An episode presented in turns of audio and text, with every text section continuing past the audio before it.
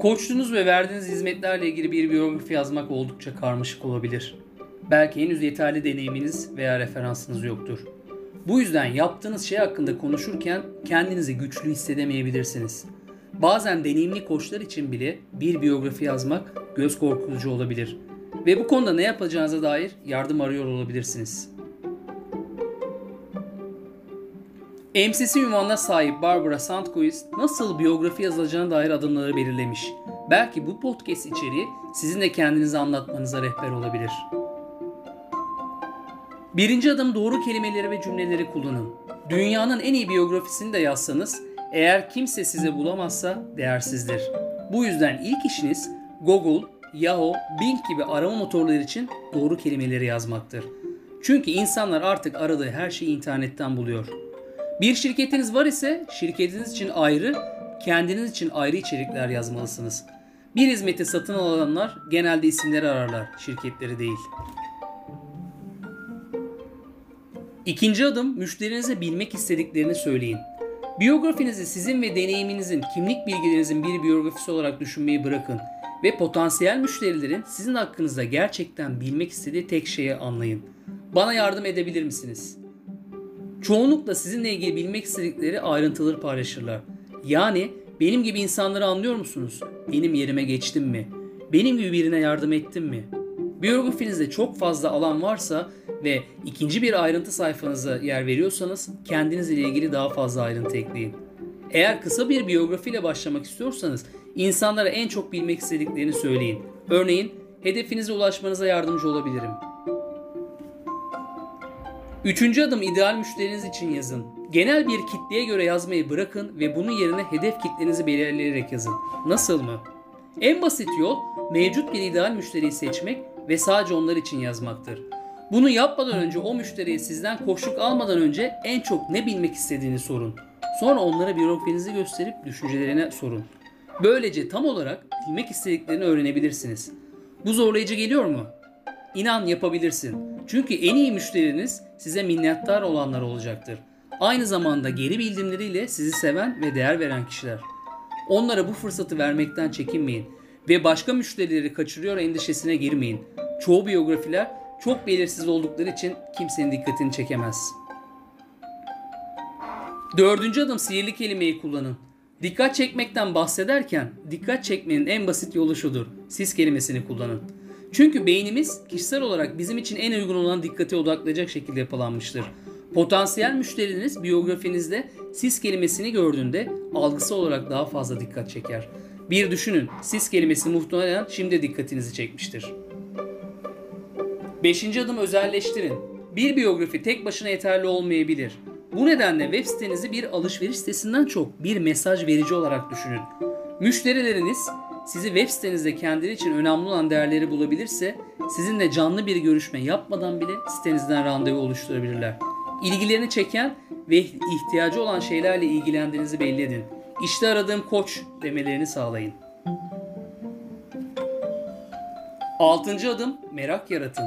Metin yazarları yazılan her cümlenin tek bir amacı olmasını söyler. Okuyanların bir sonraki cümleyi okumak istemesini sağlamak.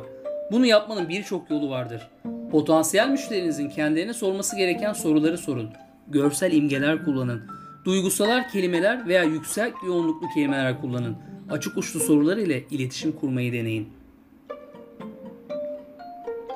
Yedinci adım güven yaratın. Biyografi müşterinizin sizi araştırmasına yardımcı olur. Bu yüzden biyografinizde tutarlı bir görüntü oluşturun. Bu aynı zamanda insanların sizi bulmasına da yardımcı olur. Uzmanlık bilgisi, ünvan ve benzeri kimlik bilgileri potansiyel müşteriniz için önemli ise en önemli bilgilerinizi, eğitimlerinizi ve tecrübelerinizi ekleyin. Eğitim aldığınız koçluk okulları, mentor koçlarınız size avantaj sağlayabilir. Örneğin bir koç arayan ve biyografisini okuyan kişiler muhtemelen sizi ilk kez tanıyordur. Bu nedenle koçluk hizmeti almak isteyenlerin bilmek isteyeceği şeyleri paylaşın. Öte yandan web sitenizi ziyaret edenlerin sizin hakkınızda bilgi sahibi olacağı şeyler paylaşın. Kritik bir ipucu, nitelikleriniz ve kimlik bilgileriniz hakkında yalan söylemek imajınızı ve işinizi bozabilecek bir güvensizlik yaratır. Bu nedenle sahip olmadığınız bilgileri asla paylaşmayın. 8. adım bırakın başkaları sizin için satışı yapsın. Çoğumuz kendimizi övmekten kaçınırız. Ancak bizim için harika olan şeyleri gizlemek potansiyel müşterimize bir kötülük olabilir. O halde bırakın ikna işini başkaları yapsın. Günümüz müşteri seçim yaparken diğerlerinin incelemeleri, derecelendirmeleri ve tavsiyelerini dikkate alır. Biyografinize en iyi referanslarınızdan bazılarını ekleyin. Biyografinizin kısa olması gerekse bile mutlu bir müşteriden kısa bir yorum eklemeyi deneyin. Koşuk sertifikası ICF onaylı olduğu için satışın bir kısmını sizin için de yapmanıza yardımcı olabilir. Dokuzuncu adım bulunması kolay olun. Müşterinizin sizi bulmasını istiyorsunuz değil mi? Her zaman web siteniz ve iletişim bilginiz güncel olsun. İnternette sizin ve web sitenizin bulunmasına yardımcı olur ve bu da potansiyel müşterilerin size ulaşmasına ve koçluğunuz ile tanışmasına fırsat yaratır. Bir iş telefon numaranız olsun, mail adresiniz, iş adresiniz, sanal ofis şartlarınız her şey net ve belli olsun. 10. adım görülmesi kolay olun. Mümkünse kesinlikle bir fotoğrafınızı ekleyin. Şirket logonuzu çok fazla kullanmayın. Çünkü insanlar logolarla değil, insanlarla çalışır. En iyi fotoğraf gülümsediğiniz bir fotoğrafınızdır. Genç ve güzel olmanız gerekmez. Ancak çoğu durumda profesyonel görünmek en iyisidir. Fotoğrafınızı profesyonelce hazırlayın ya da bu konuda bir fotoğrafçı ile çalışın.